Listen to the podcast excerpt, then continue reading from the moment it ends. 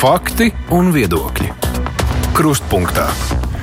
Studijā Mārija Ansone jau šonadēļ saima galīgajā lasīmā plāno pieņemt valsts aizsardzības dienesta likumu. Tas paredz iespēju pildīt gan militāro, gan civilo dienestu, bet pēdējiem iespējas šķiet krietni šaurākas nekā tika diskutēts sākumā.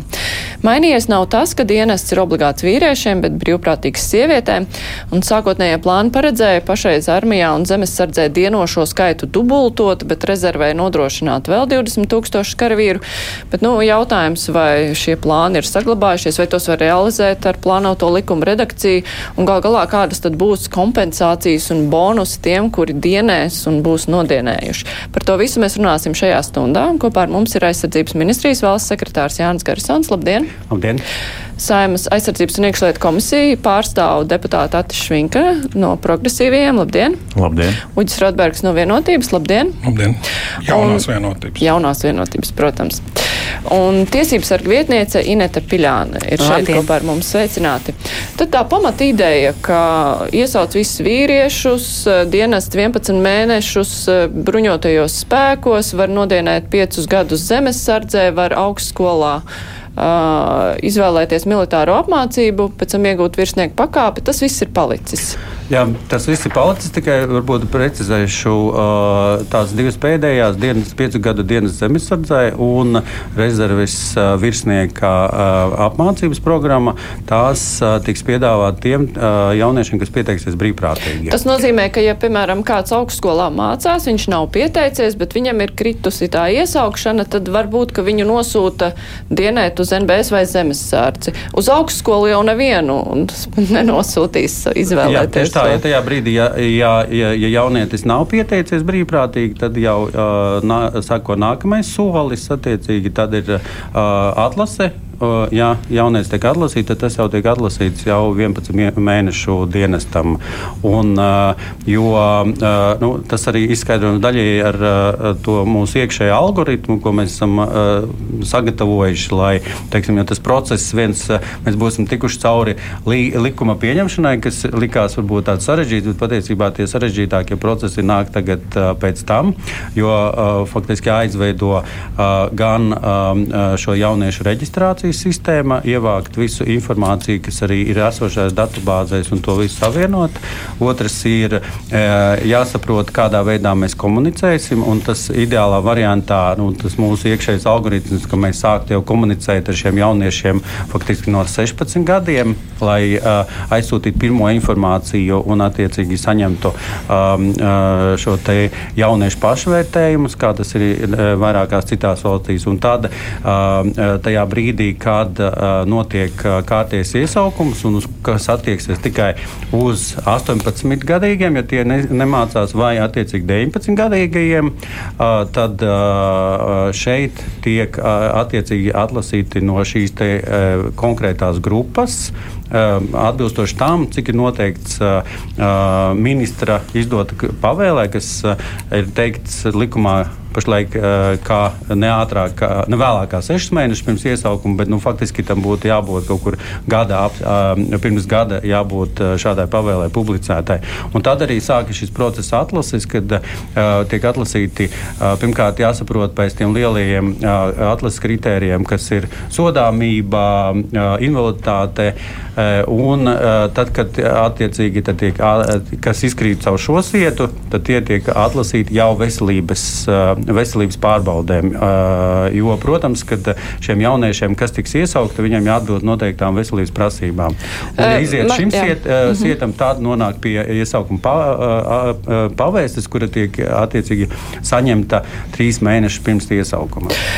No skolas soli jau nesauks, jo jaunieši Tieši tā. Nu, bet tas attiecās tikai uz vispārējās izglītības iestādēm vai profesionālās izglītības uh, iestādēm? Nē, nu, tas attiec uz visām. Uh, faktiski likums, man liekas, ļoti skaidri pasaka, kad, uh, kad uh, šī te um, iesauc tos, kas ir vai nu ir sasnieguši 18 gadus un nemācās, vai arī, kas, kad ir beiguši vidējās vai arī tehniskās mm -hmm. uh, vidusskolas. Par to atlasi vēl mazliet vēlāk. Kas palika pāri no civilā dienesta? Es šo es tieši gribēju noprecizēt, par ko mēs runājam runājām, atšķirībā no tā kā mēs izprotam valodā, kā tas ir ārzemēs, kad ir šis alternatīvais dienests vai civilais. Šeit visi iesaucamie iet šajā dienestā, un tad tiek nozīmēti Ja viņi brīvprātīgi, tad viņi var izvēlēties apmēram kurās ne, zemesardzē vai bruņotos spēkos, vai tādā zemesardzes piecos gados. Un ja viņi var pierādīt saprātīgā veidā savas nu, īpašās apziņas stāvokli, reliģiju vai tam līdzīgi, tad viņš tiek iesaukts šajā nu, sauksim, civilajā vai alternatīvā dienestā. Nu, likumā ir vienkārši viena valoda. Un tas nozīmē, ka viņš dienēs nevis jebkurā slimnīcā, bet tikai un vienīgi aizsardzības ministrijas struktūrās un pildīs tos darbus, kas atbilst no viņa pārliecībai. Un tur ir vesela nodaļa ar to, ko aizsardzības ministrija garantē. Un šodien netiek plānots veidot alternatīvā vai šī civilā dienesta jaunu likumu. Tā kā arī tie, kas nu, tie būs valsts aizsardzības dienestā.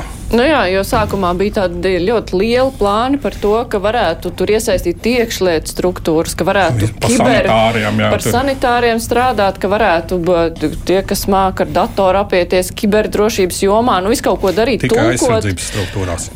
Jā, bet kādreiz bija paredzēts arī iekšlietu struktūras iesaistīt, un bezmaz visas ministrijas tas viss ir pačibējis un nebūs Tā varēja turpināt Švinkas kungs. Nē, es mazliet paturpināšu. Es, eh, pirmkārt, mēs eh, šīs saimas sasaukums saņēmām šo likumu mantojumā. Un es gribēju teikt, Pabrika kunga iesāktais darbs bija ļoti nekvalitatīvs un bija ļoti grūti uzsākt. Šobrīd eh, komisija un aizsardzības ministrija ir milzīgu darbu izdarījuši, kad mēs esam panākuši, ka šis ir moderns, prestižs Ziemeļu valstu valsts aizsardzības dienests.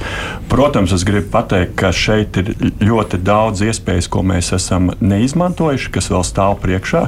Un viens ir arī paskaidrojot par šo alternatīvo likumu. Jā, mēs arī būtu labprāt redzējuši, ka varētu būt ne tikai valsts aizsardzības militārais dienests, valsts aizsardzības civilais dienests, kas šie divi posmi ir eh, aizsardzības ministrijas struktūra struktūrās, bet arī reāls eh, alternatīvais dienests, ko jūs minat, tur iekšlietu ministrijā vai, vai veselības ministrijā un tā tālāk. Bet es gribu tādā labticībā cerēt, ka eh, tas ir tuvākā laika jautājums, jo aizsardzības ministrijai jāizdara mājas darbi, ir eh, ar citām ministrijām jāvienojas gan budžeta jautājumos, gan arī kā sadarboties. Un, un tā tālāk. Vēl kas ir neizmantots, ir, ko mēs gribējām teikt, ka šis varētu būt tāds visas sabiedrības iekļaujošs dienests. Viens, ko progresīvie nāca priekšlikums priekšlikumu gan vīrieši, gan sievietes, kas politiskais lēmums ir nē, ka būs tikai šis ir vīriešu dienests, kas arī tikai sievietēm ir brīvprātības princips. Otrs arī, ka varēja būt iekļaujo, iekļaujošāks tādā ka cilvēki, kas neiztur fiziskos varbūt, kritērijus, arī cilvēki ar invaliditāti, kas grib dienēt un piedalīties valsts aizsardzībā. Jo cilvēki ar invaliditāti var būt kiberdrošības dienestos, vai tūkošanas dienestos, vai, vai, vai dažādos citos. Es domāju, tas arī ir priekšā kā tāda iespēja nu, tuvākajos gados aizsardzības ministrijā veidot infrastruktūru tā, ka tas būtu iespējams. Tā kā ir vēl daudz, es teiktu, darāmā priekšā, un, un mums būs iespējas. Nu, tas, kas ir palicis pāri no civilā dienesta, ir tas, ka jaunietis var mēģināt pierādīt īpašai komisijai, ka viņam eh, morāla apsvēruma dēļ viņš nevar dienēt eh, kaut kādā militārā struktūrā. Tad uh, viņam tiek nodrošināts kaut kāds alternatīvais dienests aizsardzības struktūrā, kur viņš strādā 40 darba stundas, par to saņem 300 eiro. Strādāt viņš nekur vairs nevar, viņam nekādas kompensācijas nepienāks. Tad nu, valsts sanāk, ka pa, paļaujas uz to, ka kāds viņu uzturēs, jo taču nevar dzīvot. Kā jūs vērtējat šo sadaļu? Jā, tas no cilvēktiesību viedokļa patiešām ir ļoti aktuāls jautājums. Mēs par to esam arī gana daudz arī diskutējuši arī komisijas sēdē. To deputāti bija dzirdējuši vai no savas apsvērumus esam arī pauduši. Un te ir divas lietas, ko gribētu arī šodien īpaši atzīmēt. Jā, pirmais jau par to alternatīvo dienestu. Ka šobrīd tāds, kāds viņš ir likumprojektā, viņš neapšaubāmi neatbilst tam, nu, tam klasiskajam labākajam ideālam, kā būtu pareizi, ka cilvēks savas pārliecības dēļ un reliģisko apsvērumu dēļ izvēlētos dienēt alternatīvajā dienestā. Nenolieksim, ka šobrīd viņš ir ļoti saistīts ar militāro struktūru. Pirmkārt, viņš ir aizsardzības ministrijas pakļautībā, tas nav noliedzams. Otrkārt, arī tie piedāvājumi lielākoties arī ir saistīti ar šo attiecīgo iestāžu un padotībām nu, un visām citām lietām, kas attiecās ar mm, karavīru, respektīvi šiem Uh, aspektiem. Nu, lūk, uh, līdz ar to uh, gribētu atzīmēt, ka Eiropas cilvēktiesība tiesā ir gana daudz lietas, arī iepriekš bija skatītas arī pret citām valstīm, kur ir vērtēts un arī analizēts alternatīvā dienesta būtība, jēga, un īpaši uzsvērta, ka alternatīvā dienesta būtība ir, ir viņai jābūt tādai, lai viņa būtu nodrošināta cieši ar civilo, respektīvi civilām, civilo iedabu, ar civilo raksturu un tā. Nu, ša, tas šobrīd nav.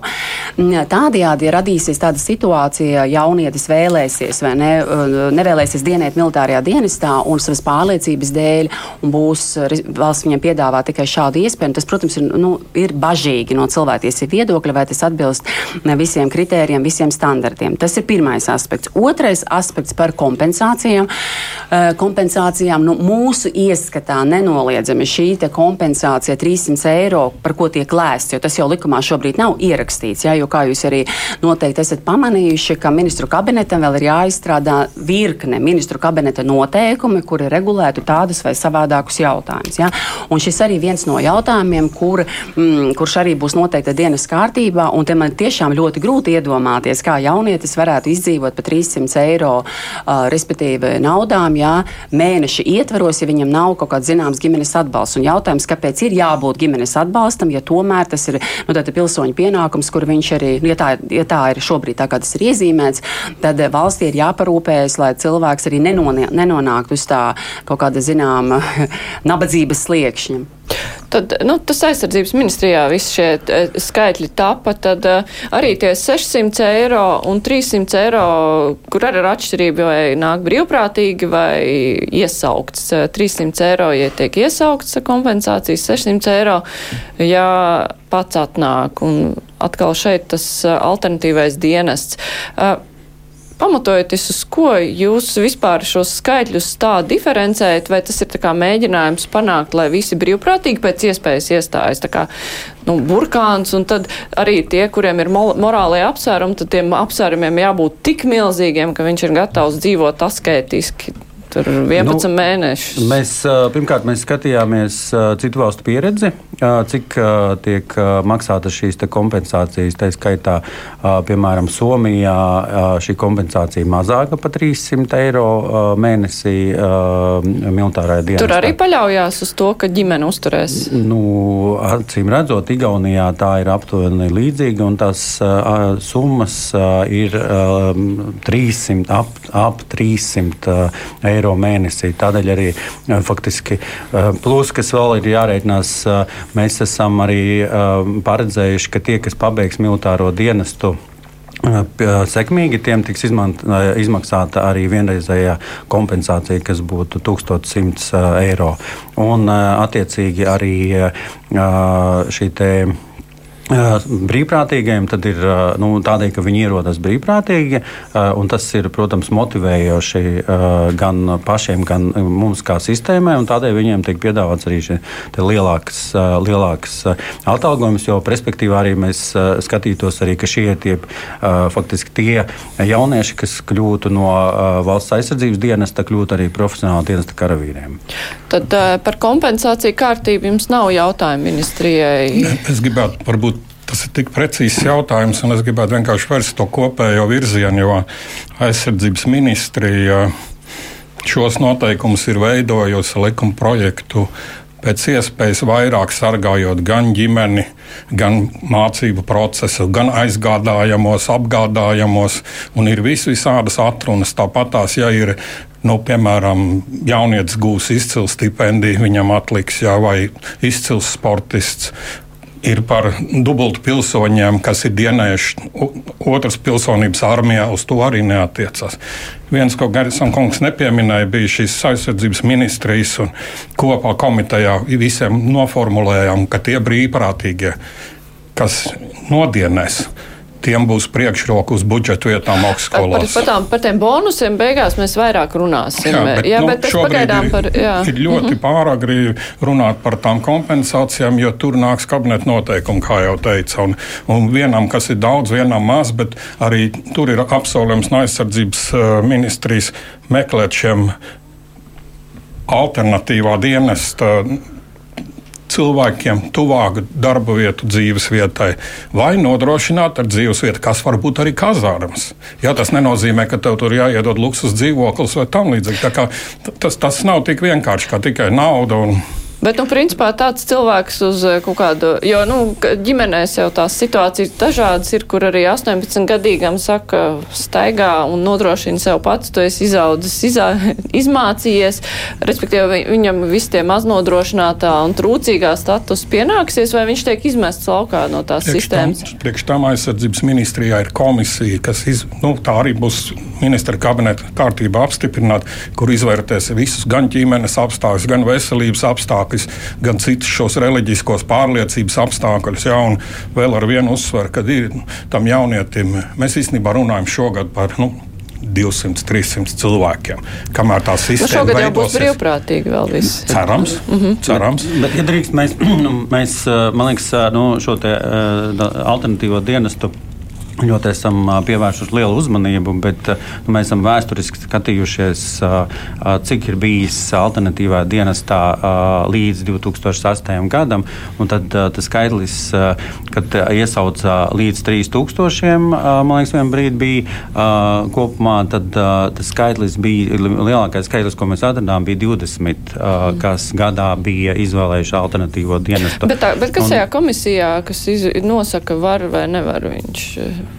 Tā ir aizsardzības ministrijas cilvēki vai tur plašāk? Nē, nu, tieši tādēļ arī komisijas uh, diskusiju rezultātā mēs nācām arī ar priekšlikumu, kur uh, arī likumā ir ierakstīts, ka šajā komisijā uh, vairāk kā puse ir ārpus sistēmas esošiem. Mm -hmm. Un, ja drīkst, es varbūt uh, uh, papildināšu par to. Uh, nav tā, ka pilnīgi visa aizsardzības sistēma ir pilnīgi militarizēta. Es saprotu, ka tā mūs uzskata, bet uh, nu, mums ir kara muzejs, kurš uh, uh, ir ģeotelpiskā informācijas aģentūra, kura veido kartes un uh, kurā ir vajadzīgi uh, atbalsts uh, un kas ir ārpus teiksim, tradicionālās militārās sistēmas. Un, daudzas, Tur nolita... 18 gadnieki dara. Ja? Jā, jā, bet, protams, Labi. apgāda loģistika. Jā, tā. Nu, Mm -hmm. Es Labi. gribēju tikai papildināt, ja, ka mums komisijā, protams, šīs diskusijas bija ļoti garas, un to, ko jūs prasat gan par kompensācijām, Un es gribu teikt, ka tiek darīts viss, lai šī valsts aizsardzības dienests būtu populārs un e, prestižs, un pēc iespējas vairāk jauniešu to izvēlētos. Un arī šajā gadījumā, kā jau kolēģis e, Roberts Kungs minēja, ka pēc iespējas tuvāk, ja, ja ir nepieciešams, var piedāvāt arī e, dzīves vietu. Un e, aizsardzības ministrijai ir paredzēts e, instrumenti, kā var darīt visu, lai atrisinātu šīs problēmas. Un par to komisiju runājot, tas bija jāprieve progresīvo priekšlikumu priekšlikums, mēs pievērstam tam uz, uzmanību, ka ir jārada sabiedrībai uzticamības moments, un ļoti svarīgi ir, lai ne no aizsardzības ministrijas struktūrām arī piedalītos e, šajā izvērtēšanas komisijā. Un ļoti labi, ka aizsardzības ministrija to ieklausījās, un tas ir vēl viens solis uz to, kas dotu pārliecību un uzticību šim e, valsts aizsardzības dienestam. Klausītājiem uzticība nav radusies, e, jo viņš ir sapratis tā, ka aizsardzības ministrija izdomāja schēmu, kā dabūt Indijas līmeņa viņa lēto darba spēku. Nu, tas ir par alternatīvo dienestu, ka popularitātes nav. Es vēl, vēl par tām kompensācijām gribētu pieminēt. Bieži mēs arī sarunās dzirdam, ka citās valstīs tās kompensācijas ir vēl mazākas. Jā, bet mums ir jāpaskatās, vai nekādi ir citi atbalsta veidi tātad jauniešiem, kuri piedalās alternatīvajā dienestā vai militārajā dienestā. Un šeit šobrīd es runāju par alternatīvo dienestu, piemēram, par to pašu Somiju minot. Jā. Mēs arī ielūkojāmies, kāda ir viņiem sistēma un ko mēs redzam. Mēs redzam, ka viņiem tiek apmaksāti dzīvokļu, respektīvi tie nu, vai nu dzīvokļu pabalsti, vai nu rēķini par dzīvokļiem, un ir citi veidi? Jo vien, ļoti viegli ir pateikt vienu konkrētu skaitu, lūk, tur ir mazāk, kaut gan arī, nu, tad, tad eh, varbūt valsts ir krietni pārti, pārtikušāka, un mēs piedāvājam it kā lielāku kompensāciju šķietami tā, bet, nu, atkal nav labi. Bet te ir, es domāju, te ir ļoti svarīgi saprast vienu lietu. Ja šajā brīdī mēs radām konkrētu sistēmu, mēs izveidojam, tad, tad pieņemam likumu, nu, tūlīt es ceru, viņu arī pieņems, vai ne? Mēs radām sistēmu, kurā mēs vēlamies, lai Latvijas pilsoņiem būtu nodrošinātas, respektīvi, nu, tās viņa tiesības un pienākumi pienākumi tur, kur viņam ir nu, jāpiedalās šajā attiecīgajā dienestā, un viņš vienlai, vienlaikus tiktu cienīts un respektēts arī viņa dzīve, viņas tā ikdiena. Un es domāju, tie ir ļoti svarīgi sabalansēt valsts intereses un arī indivīda tiesības. Ja? Un, ja viņas netiks sabalansētas vai kaut kādā veidā mēs uzskatīsim, ka tikai viņam ir pienākums kaut kādā veidā, viņam ir jāizdomā, kā iztikt, nu, mēs nekad nesasniegsim to, to, to, saka, to atbalstu vai to ļaužu iesaisti, jauniešu iesaisti šajā attiecīgajā procesā. Tādējādi mēs arī nepārtraukti arī vēršam to uzmanību, ka te ir jābūt arī nu, zināmam tādam arī balansam, uh, lai tad, tad, cilvēkiem varētu to ikdienas dzīvi jēgpilni izdzīvot. Jā, par tiem bonusiem tad mazliet vēlāk vēl runāsim. Ļoti būtisks jautājums ir par to, kā notiks tā atlase. Jūs minējāt ministra pavēle, cik tiks iesaukti konkrētajā gadā. Ja šo jauniešu reālais skaits, kuri potenciāli varētu būt, ir lielāks nekā ministra pavēlē ierakstīts. Kā tiks izvēlēti tad tieši kuri tiek iesaukti, uz ko krīt tā kārta? Jā, nu, tas arī likumā ir paredzēts. Man liekas, mēs arī ļoti intensīvi diskutējam par šiem visiem jautājumiem. Tad, attiecīgi, pirmais, tādai pirmā, pirmais solis būs aicinājums pieteikties brīvprātīgi tajā brīdī, kad, un tas būs visdrīzāk. Tas būs apmēram apmēram gadu pirms viņš ir sasniedzis to vecumu. Jūs ne, minējāt, pusgadu, ka pusgadu, pusgadu pirms... iepriekš ir tā aizsardzības ministra pavēle. Tas būs, tas ir likumā no nevēlāk kā seši mēneši. Tas mm -hmm. no realitātē mēs domājam, ka tas varētu būt gadu iepriekš jau. Mm -hmm. Un tas aicinājums pieteikties būs vismaz pirms sešiem mēnešiem, jo arī šim gadam un nākamajam gadam mēs faktiski plānojam uzsākt paralēli, jo, jo faktiski maijs būs pieteikšanās jau šiem brīvprātīgajiem, ja saimā apstiprinās uh, likumu tad, uh, šim 1. jūlijā iesaukumam, un attiecīgi jau uzreiz arī būs uh, uzsāksim uh, pieteikšanos arī janvāra iesaukumam, jo, jo skaidrs līdz kaut kādam jūlijam būtu jau jābūt skaidrībai, kas ir tie, kas piesakās. Un tad no attiecīgi tas pa, pa, palikušais skaitlis plus aptuveni uh, no, no tā, ko mēs esam izpētījuši,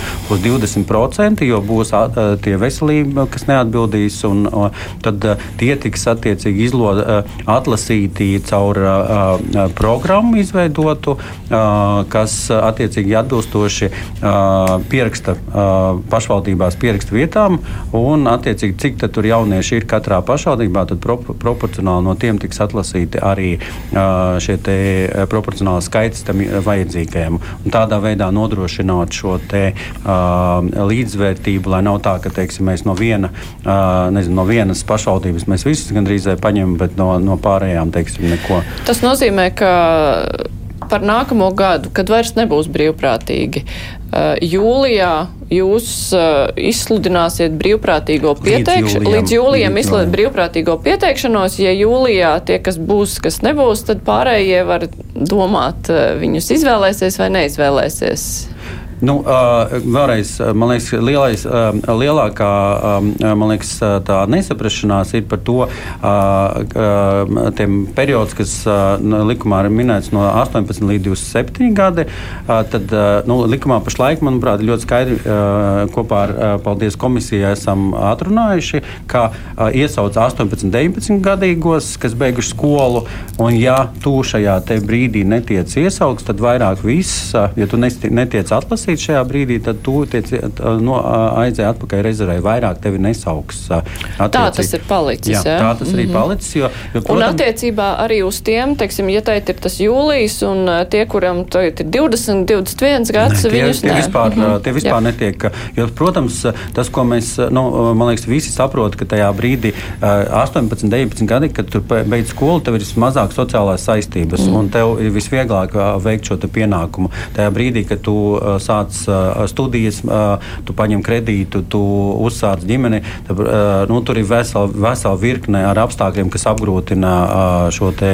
Bet, protams, tajā brīdī, ja pilsonis izvēlēsies atlikt, kāda iespēja ir, tad, protams, viņam attiecīgi jārēķinās ar to, ka tajā brīdī, ka viņš, ka viņš to... būs tajā citā izlozē. Nē, nē, viņš būs Jā. izlozēts un viņš, viņš būs izlozēts. -hmm. Viņš, piemēram, Viņam man... jebkurā gadījumā tas būs jāizdara. Jā, ja viņš pasaka, ka es gribu atlikt uz uz trīs gadiem, tad nu, tā ir viņa brīva izvēle.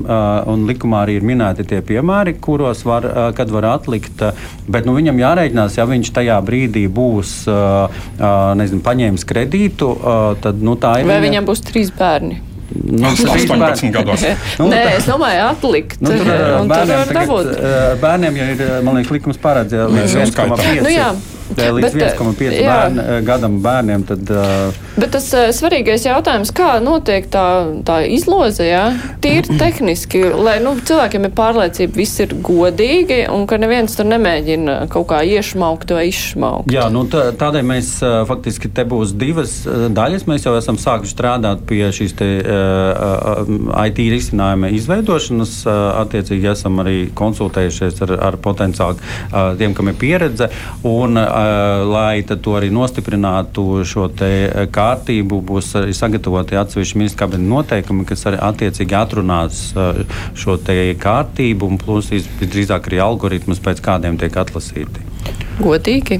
Nē, nu redziet, tikko jau ir minēja Garisona kungs, vēl tikai tiks izstrādāta mm -hmm. tā mhm. kārtība, būs ministru kabineta noteikumi. Tas ir tas, ko es pašā sākumā teicu, ka ir virkne jautājumi vai ne šodien vēl dienas kārtībā, kur ministru kabinets vēl, vēl respektīvi, nu, izstrādās tos jautājumus, sakārtos. Jā, bet kā tas izskatīsies, kā būs, nu, man par izlozes to, respektīvi, šo algoritmu vai kā, absolūti nav skaidrība. Tā var bet, paļauties, nu, ka viss nu, būs kārtībā izstrādāts. Pateikt, galvenais jau ir nejaušības principu nodrošināt, jo ne, neviena izloze nav godīga. Ja? Nevienā izlozē viss nav vinnētāji. Ja? Un, tas ir tas, lai radītu uzticību, ir jārada nu, nejaušo skaitļu princips, kur ir iekšā reģionalitāte, kur ir varbūt deklarētās dzīves adreses un tam līdzīgi. Bet, ja es drīkst, es gribēju ielikt ne, nedaudz kontekstā, kāpēc vispār šis viss notiek. Un ne visi piemēri, kas ir ārzemēs un arī mūsu vēsturē bijuši, šobrīd šobrīd vairs dara, jo tā ģeopolitiskā situācija vienkārši ir traģiska. Ja? Mums kaimiņš ir agresors. Un, Un tas, ko aizsardzības ministrija ar pilnu atbildību ja, ņem, viņi grib nodrošināt Latvijas drošības spēju. Likums paredz, ka otrajā gadā saimā jāatnāk katru, katru sasaukumu ar jauno drošības koncepciju, kurā nosaka miera, spēku, miera laiku, spēku daudzumu un tam līdzīgi. Un tas, ar ko aizsardzības ministrijas šobrīd saskarās, ir, grūti brīvprātīgos rekrutēt, tāpēc ka tas apjoms ir izsmelts. Un šeit ir visa veida mēģinājumi veicināt cilvēkos izpratni par to, ka tas ir cienījami, ka tas ir forši un kādam tā ir izvēle.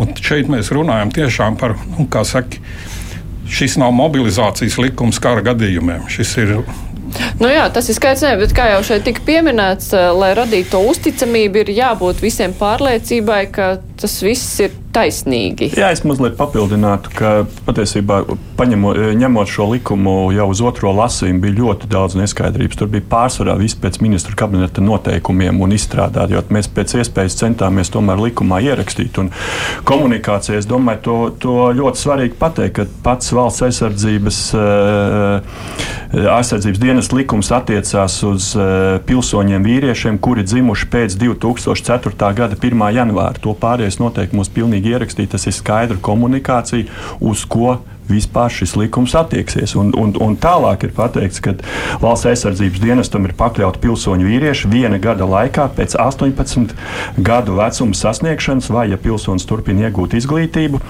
izņemot augstāko izglītību viena gada laikā pēc izglītības iestādes uh, pabeigšanas.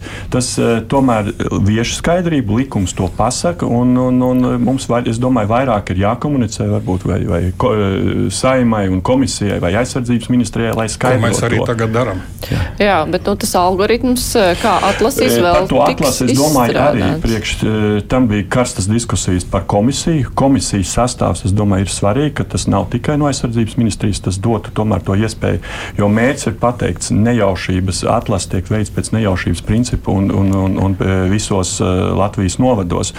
Un es domāju, ka nu, būs sabiedrībai iespēja sekot līdzi, un, un ja kaut kas būs aizdomas vai, vai kaut kāda mazāka. Kā sabiedrība tam tam varēs sekot līdzi. ja drīkst, ne, nu, pirmkārt, šie visi ministra kabineta noteikumi tiks publiski apspriesti, tie tiks virzīti. Tas jā. Ne, es domāju, tām izlozēm jau nevarēs neviens sekot. Ne, nu, es domāju, ka tā pati kontrolas komisija, ko paredz likums, tā var pāraudzīt arī šo procesu, ja, ja, ja, ja tāda nepieciešamība ir. Bet, nu, tās, man liekas, tas, ko mēs esam sapratuši, ir svarīgi izveidot šo datu, nu, datu ris, IT risinājumu tādā veidā, un, un tad vienkārši ir jā, protams, to var kontrolēt kāds, arī tā skaitā šī kontrolas komisija, kurā, ir, kurā būs ārpus resora. Bet, nu, manuprāt, Uh, nu, mēs esam pēdējie, kuri gribētu uh, uh, radīt sistēmu, kas ir neusticama, jo, uh, kurai sabiedrība neusticam, uh, neusticēsies. Uh, jo nu, tajās uh, fokus grup, uh, grupu diskusijās, ko mēs organizējam pirms vispār nācām ar šādu um, uh, iniciatīvu, mēs, man liekas, vi, uh, tieši jauniešiem. Un, uh, tur bija ļoti skaidri viena, uh, vien, viens uh, motīvs uh, visur cauri, kad ir jābūt jābūt šim līdzvērtības principam. Tādēļ arī likumā, un paldies deputātiem, šis princips manuprāt ir maksimāli ievērots, lai mēs ne, ne, nepadarītu atkal uh, šo dienestu tikai tiem, kas nevar, nu, kā bija agrāk, kad uh, tie, kas nevarēja atnest ārsta zīmes, jā, tie, tie arī gāja dienai. Un tādēļ uh, šis ir mūsu sistēmas primārā interese ir radīt uzticēšanos. Bet par tām ārsta zīmēm. Kādi ārsti izdos tās zīmes? Pašlaik uh, mēs strādājam ar, ar veselības ministriju. Pirmkārt, mēs gribētu jau sākotnējā stadijā caur e-veselību vai tiem pieejamiem datiem ievākt jau to, to informāciju, kas pieejama un atlasīt tos, kas jau nu, pēc tam. Nav pirma... tur daudz informācijas. Bet, bet otrs, nu, mums tā sistēma jau strādā tagad ar zemesardzi, ar, ar profesionālu dienestu. Ir, pirmkārt, pirmkārt ir eh, bruņotos spēkos ir savs medicīnas centrs, bet otrkārt mums ir noslēgti līgumi ar attiecīgi veselības iestādēm, kuras tad arī veic šīs te. Mm. Jo ir, jo ir atšķirība, vai cilvēks grib iestāties armijā vai zemesardzē, un viņš sagādā ārsta zīmi, jo viņš grib, nevis otrādi, ka varbūt viņš meklē ārsta zīmi, jo tāpēc, ka viņš negrib. Šeit ir arī paredzēta atbildība par izvairīšanos no dienesta, ar to saprotot gan ārstu viltojums, gan pašapkropļošanos un tam līdzīgi. Jā, bet tā kā vēl viena svarīga lieta ir, kur aizsardzības ministrijai tiks dot pieeja publiskiem dažādiem reģistriem, kurā tieši ievākt informāciju, kas ir nu, vienalga kredītiestāžu rīcībā, medicīnas iestāžu rīcībā un tam līdzīgi, lai pilnvērtīgāk izvērtētu, vai kaut kāda nav fikcija vai tam līdzīgi. Ja. Un labi ir, ka sākās varbūt ar 200 cilvēku cilvēkiem, vai ne? Jo tūkstoši tūkstošiem vienā reizē to sistēmu nevar uzbūvēt. Bet ir atbildība arī par, nu, kā saka, izvairīšanos. Tas pats ir arī par īs, īslaicīgu prombūtni no sava dienesta vietas. Tur ir sistēmas. Viņš ir nu, diezgan komplicēts, ne? bet ar to nevajadzētu biedēt klausītājus. Bet, ja rīks, tas, es teikšu, tas izšķirošais būs, protams, kā, kā noritēs un kādu pieredzi gūs šie pirmie šis gads, šī gada jaunieši un nākamā gada teiksim, iesaukums. Un, un tas visdrīzāk arī noteiks šo attieksmi kopumā sabiedrībā sabiedrībā, un to mēs ļoti labi apzināmies, ka jāizveido ļoti kvalitatīvs, kvalitatīva sistēma, kura ir vienlīdzīga un, protams, kura, manuprāt, nu, respektē šo jauniešu intereses. Un, jo nu, tas lielākais risks būtu atgriezties sistēmā, kur mēs uzskatām, ka šie jaunieši ir kaut kādi nu, nevērtīgi, teiksim, kopumā bruņoto vārdu uh, sistēmā. Tas būtu, man liekas, vislielākais risks. Jā, tas ir tieši tas, par ko mēs tur, turpmāk runāsim. Man ir jāatgādina tikai mūsu klausītājiem un skatītājiem televīzijā, kur varbūt nedzirdēja sākumu, ka šodien kopā ar mums ir Jānis Garisons no aizsardzības ministrijas, Uģis Rotbergs, saimnes deputāts, jaunā vienotība, Atšvinka, saimnes deputāts, jaun, uh, progresīvie. Gribēju atkārtot, jā. Un Ineta Biļāna, tiesības sarga vietniece. Mēs tūlīt turpinām. Raidījums Krustpunktā. Jā, viena lieta ir tā bonus sistēma, otra lieta ir dienesta kvalitāte uz vietas, lai nav tā kā kādreiz obligātais dienests, visi tur gurķojās, tur nedabūna ne šaut, nekādās mācībās piedalīties. Plus vēl, par ko klausītājs uztraucās, viņš ir uzrakstījis ģedovšina, bet eh, nu, tās ārpus reglamenta attiecības, kas bija kādreiz eh, padomi armijā tas iesaukums, tas, ka būs mazāks iesaukums plānots nekā sākumā domāja, un nevarēs iesaukt visus, tas ir saistīts ar šo kvalitāti, lai būtu dienas kvalitatīvs, lai ir ekipējums, lai ir instruktori gal galā, kur to visu uzrauga un lai ir kur normāli dzīvot. Un eh, pat cik viņš ir samazinājies salīdzinot ar tiem skaļiem, ko es sākumā minēju, nu, ka dubultot to dienošo, šobrīd dienošo skaitu un vēl rezervi 20 tūkstoši. Nu, pagaidām es negribētu teiksim, spekulēt par to, cik viņš samazi, samazinājies. Skaidrs, ka pirmais gads arī tā arī bija plānots. Tas pirmais iesaukums mēs esam pazaudējuši vien, vienīgi šo te janvāra pusgadu. Bet mēs paralēli strādājam pašlaik, nu, kas noteiks šo te, skaitli. Noteiks tieši tā, kā jūs minējāt, infrastruktūra pieejama, attiecīgi ekipējums.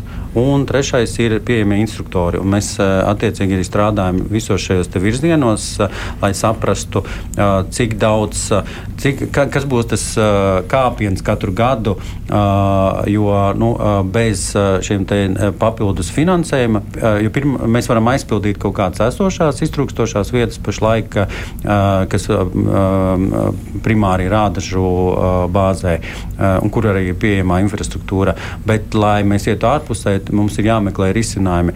Un, uh, es teiktu, ka tam kvalitatīvam dienestam varbūt nav tik svarīgi, ka tur ir pilnīgi jauna izbūvēta infrastruktūra, bet svarīgi ir labi instruktori ir, ir uh, protams, ka ir svarīgi, kad ir apmācībai ieroči, ir munīcija un vispārējais, lai būtu attiecīgi, ko, uh, lai šie jauniešiem būtu interesanti un viņiem būtu jēgpilns dienests. Un, nu, pie, šā, arī pie šiem visiem pašlaik projektiem, tā varētu teikt, vai virzieniem, virzieniem mēs strādājam. Tad faktiski kaut kādās mēneša laikā mēs arī sapratīsim, cik tas liels kāpums varētu būt teiksim, katru gadu. Jo, protams, ka mums interesē kādā veidā palielināt bruņoto spēku kopējo karalaika struktūru maksimāli ātri, bet nu, mēs negribētu arī lekt un radīt nekvalitatīvu dienestu, kas uh, faktiski pēc tam varētu sadragāt visu, uh, teiksim, visu, visu, visus priekšstatus un, un vēlmi dienēt.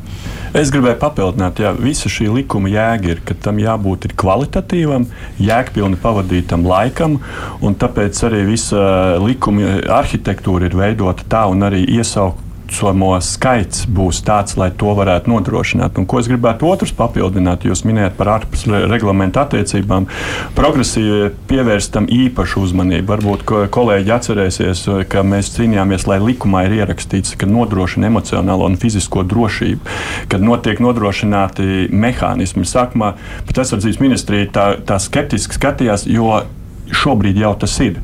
Šobrīd ir pilnīgi cita armija. Ir eh, NATO standartiem atbilstoša armija. Un pat uh, likās, ko progresīvie te mēģina atnest, ienest, jo nevar salīdzināt, kā šeit klausītāji min, uh, ārpus reglamenta attiecības, vai tas būs vai nē. Bet mēs gribējām, lai to ieraksta likumā. Un paldies kolēģiem, kas ieklausījās un arī nāca jau uz trešo lasījumu ar, ar to priekšlikumu, kad ieraksta, kad nodrošina šīs emocionālā un fizisko drošību. Un, un, un tāpēc es domāju, nu, tam tam tiek pievērsta uzmanība. Mēs runājam arī ar Garisonu kungu, ka pat šobrīd ir eh, NBS dažādi testēšanas varbūt var vairāk pastāstīt. Ja, pat ne tikai valsts aizsardzības dienestam domāt, ir psihologu dienests, un tam tiek pievērsta uzmanība. Protams, tam ir jābūt ierakstītam likumam, likumā, kas to nodrošinātu un paceltu nu, kvalitatīvā līmenī. Tam mēs pievērsām uzmanību. Mums klausītājs arī norāda, ka tie 18, 19 gadīgie jaunieši, viņi nāks, nu, šobrīd mums vēl ir šīs eh, Krievu latviešu skolas, jo izglītība latviešu valodā tikai tagad sākās, un principā tā, tā eh, nodalīšanās ir pēc nacionalitātes, vai bruņotajos spēkos tur arī nevar rasties nu, kaut kāda augsnē, kur cilvēki nošlāņojās, jo viņu būs daudz salīdzinoši ar tiem, kas aiziet paši. Nē, nu, es te man jāatsaucas uz iepriekšējo pieredzi, kas bija obligātajā dienestā līdz 2008. gadam, un kur vēl tā iespējams tā sabiedrības noslēņošanās bija lielāka. Tad nu, mums pieredze rāda, ka visi, kas izgāja dienestu, bija jutās pies, piederīgi valstī, un, un tur nebija tāda dalīšanās. Man liekas, ka tas ir labākais integrācijas elements. Es gribu paslavēt savus kolēģis jaunās vienotības frakcijā. Mēs esam varbūt lielākā frakcija, bet mums ir trīs zemesargi, mums ir aktīvais rezervists un mums ir viena sieviete zemesardzes. Mēs arī, arī nu, man grūti iedomāties, ka šādu cilvēku starpā kaut kādas tur varētu būt ārpus reglamenta attiecības. Nu, jā, tāds interesants salīdzinājums. Nu, bet labi, ne, mums eh, mazliet vēl par bonusiem ir jāparunā. Tas mēs jau sākumā runājām, ka tas tā bonusu sistēma, kompensācijas sistēma ir vērsta uz to, lai cilvēki maksimāli daudz pieteiktos brīvprātīgi. Un, nu, tiem, kuriem pēc tam krīt, tiem krīt, un viņiem arī ir sliktāka situācija. Tā pieeja pareiza. Jā, nu runājot par bonusiem, te ir arī tiešām tāds arī, nu, ļoti svarīgs jautājums pats par sevi. Pat, paši par sevi kā tādi bonusi, tas ir, nu, tas ir, nu, būtu pieļaujams, ja, bet ir jāska, jāskatās arī sistēmiski kopumā, vai tas arī neietekmē vai neiedargā sistēmu nu, kopumā pēc būtības. Tad, ja šobrīd mēs redzam likumprojektu, kā ir tā atbalsts vai tas bonus arī jauniešiem, kuri būs arī brīvprātīgi pieteikušies valsts militārajā dienestā, jau vēlēsies studēt augstskolā, un ja viņi iz, izpildās tiem kritērijiem, kritērijiem, nu, respektīvi, ka var iestāties augstskolā, tad viņi varēs arī nu, studēt šajā te un darīt pārējās jau procedūras vai to kārtību atrunāt, tiks atrunāts ministru kabineta noteikumos. Tā tas ir ierakstīts šobrīd konkrētajā tiesību normā. Un te tas svarīgākais jautājums ir tāds, ka šobrīd no tās eh, normas, kas ir eh, komisijā atbalstīta, ko arī skatīs, respektīvi, tad rītā jau arī saimā, īsti nevar saprast vai ne par pašu to nu, būtību. Uh, jo vai tas nozīmē to, ka mācību iestādēm jau par tiem valsts budžeta līdzekļiem, nu, tā, tās vietas, kuras ir paredzētas, vai ne? Ja būs uh, gribētājs no militārā dienesta, vai viņš to vietiņu jau aizņems, vai nebūs, no, nu, vai nebūs ne, situācijas tādas, ka tā konkurence būs netaisnīga, ka tie uh, jaunieši, kuri nevarēs piedalīties objektīvu apsvērumu dēļ valsts militārajā dienestā, iziet nebrīvprātīgi nekā citādi, piemēram, veselības stāvokļa dēļ, tādas situācijas var būt vai invaliditātes dēļ, ka viņiem tā rezultātā tās uh, programmas uh, nu, netiks nodrošināts. Viņiem būs ierobežotāka iespēja mācīties pa valsts līdzekļiem.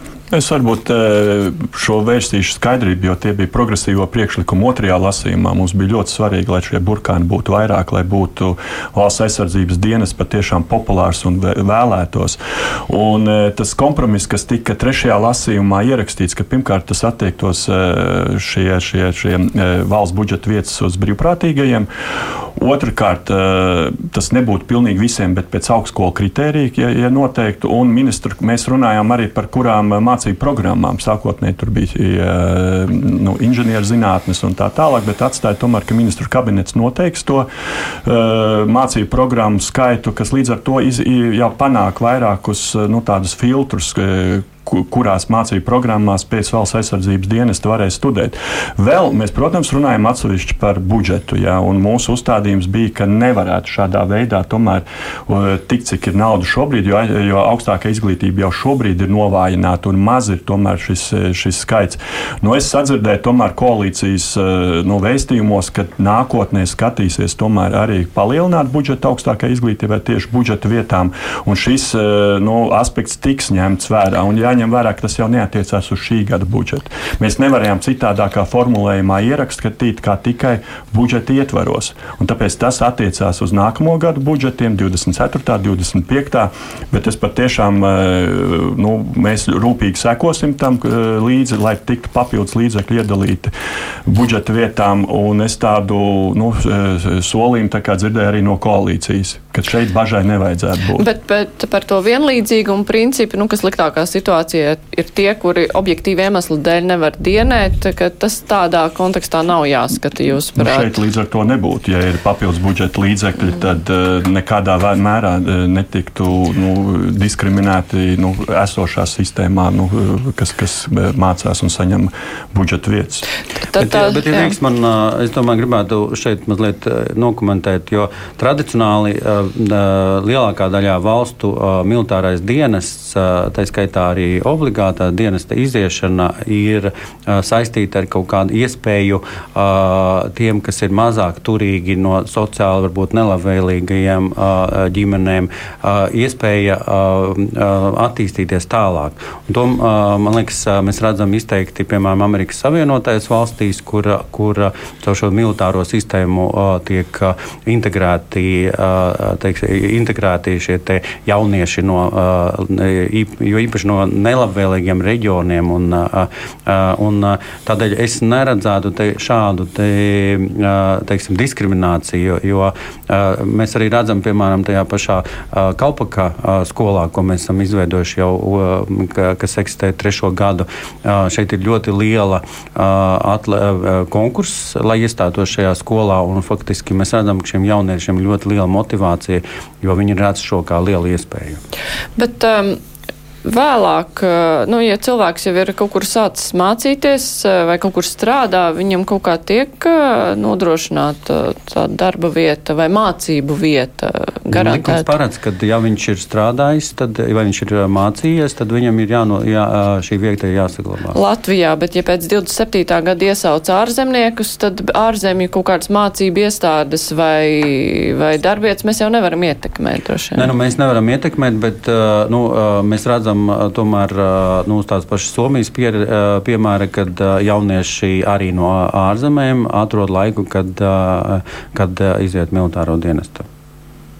Atrod laiku. Mēs, eh, es atceros to sižetu, kur bija jaunieši, kas, eh, kurus uzrunāja žurnālisti, kur nemācēja pat latviešu valodā ne vārdu pateikt. Tas... Nē, nē, nē, bet tur redz, man liekas, tomēr jāsaliek kopā. Pašlaik likumā ir divas normas, kas attiecas uz, uz ārvalstīs dzīvojušiem pilsoņiem. Viena norma tā, ka paredz, ka iesauc tos, kas ir dekla, deklarēti Latvijas Republikā. Šobrīd, jā. Un, nē, tā ir, tā ir pa, pamatnorma. Tā ir pamatnorma. Tas arī pēc 27. gada tā ir- paliek? Un uh, tas, kas ir uz 28. uh, līdz 28. gadam, ir izņēmums tie, kas ir pastāvīgi dzīvo ārzemēs un ir attiecīgi to uh, nokārtojuši vai uh, paziņojuši uh, pilsonības un uh, lietu PLMP, uh, um, attiecīgi kā to paredz likums. Tie ir, bet ja tu, neesi, ja tu esi ār, um, ārzemju latviečs, kas uh, esi de, neesi pat deklarēts uh, uh, Latvijā, tad tu netiec iesaukts.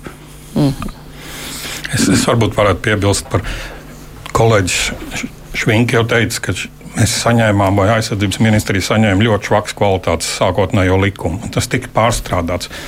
Bet gribu atgādināt, kā strādā komisija. Mēs strādājam, godīgi sakot, mēs jau, es nezinu, reizes divās nedēļās mēs mainām Ukraiņas atbalsta likumu.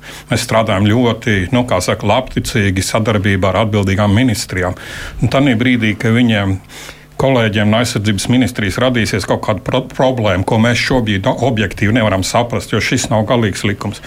Ja atnāks uz mūsu komisiju, mēs mierīgi izrunāsim to. Tā kā nevajag iedomāties, ka tas ir kaut kas akmenī cirsts. Te ir viss vērsts uz, nu, kā saka, lai būtu labāk, un ja būs kaut kādi trūkumi, mēs viņus novērsīsim. Jo, godīgi sakot, komisijā mums i- nav tik karsta kā citās komisijās. Es varbūt papildināšu par diasporu, jā, kad uh, Garisona kungs pilnīgi pareizi saka, ka uh, ir divas lietas. Viens ir pateicis, ka līdz 2027. gadam diasporu neiesauc, bet otrs, ka šī brīža uh, valsts aizsardzības dienesta likuma arhitektūra to neparedz nemaz. Bet, jo tur ir vairāk punkti. Viens ir iesaukšana atlases veido pēc uh, novadiem un pēc uh, reģistrētajām adresēm, un visa komunikācija tā notiek. Un, bet Taisnība ir arī politiķiem, kas saka, kas notiks pēc 2027. gada, ir, ja tiks radīti apstākļi, lai e, diasporas Latvijas pilsoņi tiktu iesaukti, tas varētu notikt. Un tā kā visiem būtu jābūt gataviem e, iesaistīties valsts aizsardzības dienestā, bet tur ir, tas ir nākotnes, kā Rodbergs kungs saka, ja nāks labojumi, precizējumi, kā tas ir iespējams juridiski, tas varētu nākotnē tikt izskatīts. Bet pēc šī brīža likuma tas nav paredzēts. Labi, eh, bet tad eh, jūs minējāt, ka jums ir pētījumi, nu, aptaujas, jauniešu aptaujas, ja es pareizi sapratu. Fokus grupas. Jā, un eh, ja pirms tam, nu, iepriekšējie tā brīvprātīgā pieteikšanās bruņotajos spēkos parāda, ka nepietiek ar cilvēkiem, kuri gribētu, tad eh, jau zinot kaut kādus nosacījumus, to, ka būs kaut kādi bonusi, tagad, eh, nu, likums gan vēl nav pieņemts, bet droši vien jau, ka rītā pieņems, arī šīs te iespējas studēt par valsts līdzekļiem. Nu, jūsuprāt, nu, pa cik tas varētu palielināt vēlmi dienēt brīvprātīgi? Vai tas brīvprātības princips ar to visu nostrādās tik ļoti, ka vajadzēs iesaukt, nu, tā kā citās valstīs paliks pavisam maza daļa vai pat nemaz, kas būs jāiesaukt? Ne, nu, te es tomēr nodalīju divas lietas. Viens šo te brīvprātīgā pieteikšanās profesionāla dienestam un zemesardzei, tā ir viena lieta, un man liekas, šeit mums jāsaprot, ka faktiski mēs dalām, nu, te, teiksim, mēs esam darba tirku, mēs konkurējam par tiem pašiem pilsoņiem, kas faktiski, nu, mēs faktiski konkurējam ar iekšlietu ministrijas dienestiem, ar. ar, ar nu jā, nu tā ir darba jā. vieta uz ilgu laiku. Un, tur sakot. mēs redzam, ka šeit ir izsmelts, izsmelts potenciāls, jo vienkārši nav vairāk, nav vairāk pilsoņu pieejami. Tad šeit kādēļ tas brīvprātīgs princips tomēr tomēr ir mūsuprāt būtisks. Jo, nu, ja tu nāc brīvprātīgi, tomēr tev ir kaut kāda daudz lielāka motivācija. Un mums nu, tā, no pieredzes zinām, ka motivācija tomēr nozīmē daudz. Ir viens, ka tev ir ļoti labs ekipējums, bet, ja tev nav motivācijas, tad mēs redzam to Ukrainā ļoti labi. Re, kur ir viena bezmotivēta armija un otra ir motivēta. Bet tās jūsu aptaujas rāda, ka ir tagad jauniešiem motivācija brīvprātīgi saprātīgi nodienēt vai nav? Ne, nu, tās aptaujas pēdējās, man liekas, rāda to, ka uh, ir mazliet pieaudzis uh, atbalst, uh, atbalsts valsts aizsardzības dienestam, kā tas bija iepriekšējās aptaujās arī jauniešu vidū. Jo, protams, ka vienmēr ir vieglāk atbalstīt to, kas, ka tev pašam nav jāiet dienēt. Bet arī jauniešu šajā tieši segmentā ir pieaudzis atbalsts. Un kā jums izskatās? Jauniešiem tas ir pievilcīgi tā, nu, ka paši izvēlās un nemaz nevajag gaidīt kaut kādu izlozi. Nu, ziniet, nu, grūti pateikt, jā, jo mēs arī esam runājuši ar, jaunieši, ar jauniešiem. Protams, nedaudz arī, kad pie, nu, braucam uz skolām un diskutējam par dažādiem jautājumiem, veicām, jo tie viedokļi ļoti, ļoti dažādi, bez šaubām. Jā. Ir jaunieši, kuri ir atvērtāki šiem attiecīgiem nu, jautājumiem, ir jauniešiem, kuriem ir tiešām daudzas arī vēl neskaidrības, daudzi mīti, daudz nezināmā un nenolieksim. Es domāju, tas arī manā ieskatā ir viens no tādiem svarīgākajiem faktoriem, ka mm, likuma projekta paša laikā, izskatīšanas komisijas laikā ļoti daudz jautājumu tika mainīti, ka tie diskutēti, pārdiskutēti vai nemainīti tie koncepti. Nu, sabiedrība jau arī tam seko līdzi. Ja? Un iedomājieties, jauns cilvēks bez mazliet katru otro dienu dzird kaut kādas nu, citus pavērsienus. Vienkārši viņam jau zūd interese par to. Tas ir pilnīgi normāli un dabiski. Bet uh, man tiešām ļoti grūti pateikt, kā tas viss būs. Bet, nu, protams, ka novēlam, lai, lai tā interese arī būtu. Mēs visi esam ieinteresēti, lai valsts aizsardzība tiktu stiprināta, lai mēs jūtamies droši savā valstī tādējādi arī sniedzām savus neskaitāmos priekšlikumus, arī komentārus likuma procesa izskatīšanas laikā, lai arī tas būtu viss arī pietiekami tiesiski noregulēts, būtu pievilcīgs un Latvijas tautai uzrunājošs. Nu jā, nu katrā ziņā daudz lielāku skaidrību noteikti parādīs vasarā, kad būs tā pirmā pieteikšanās. Tad, kad 200 tad... cilvēki būs arī zinām tāds kvalitatīvais tests. Jā, tas būs tās tests un nu, tā. Nu, malas raugoties, izskatās, ka tas eh, likums tagad ir pievilcīgāks tīri cilvēkiem, jo tur to to bonus ir vairāk nekā bija Mazliet sākumā paredzēts. jauniešu acīm mēs arī esam runājuši, ka uh, daudziem jauniešiem arvien biežāk ir uh, izmantot tādu pauzes vai, vai pārtraukumu gadu pēc vidējās izglītības.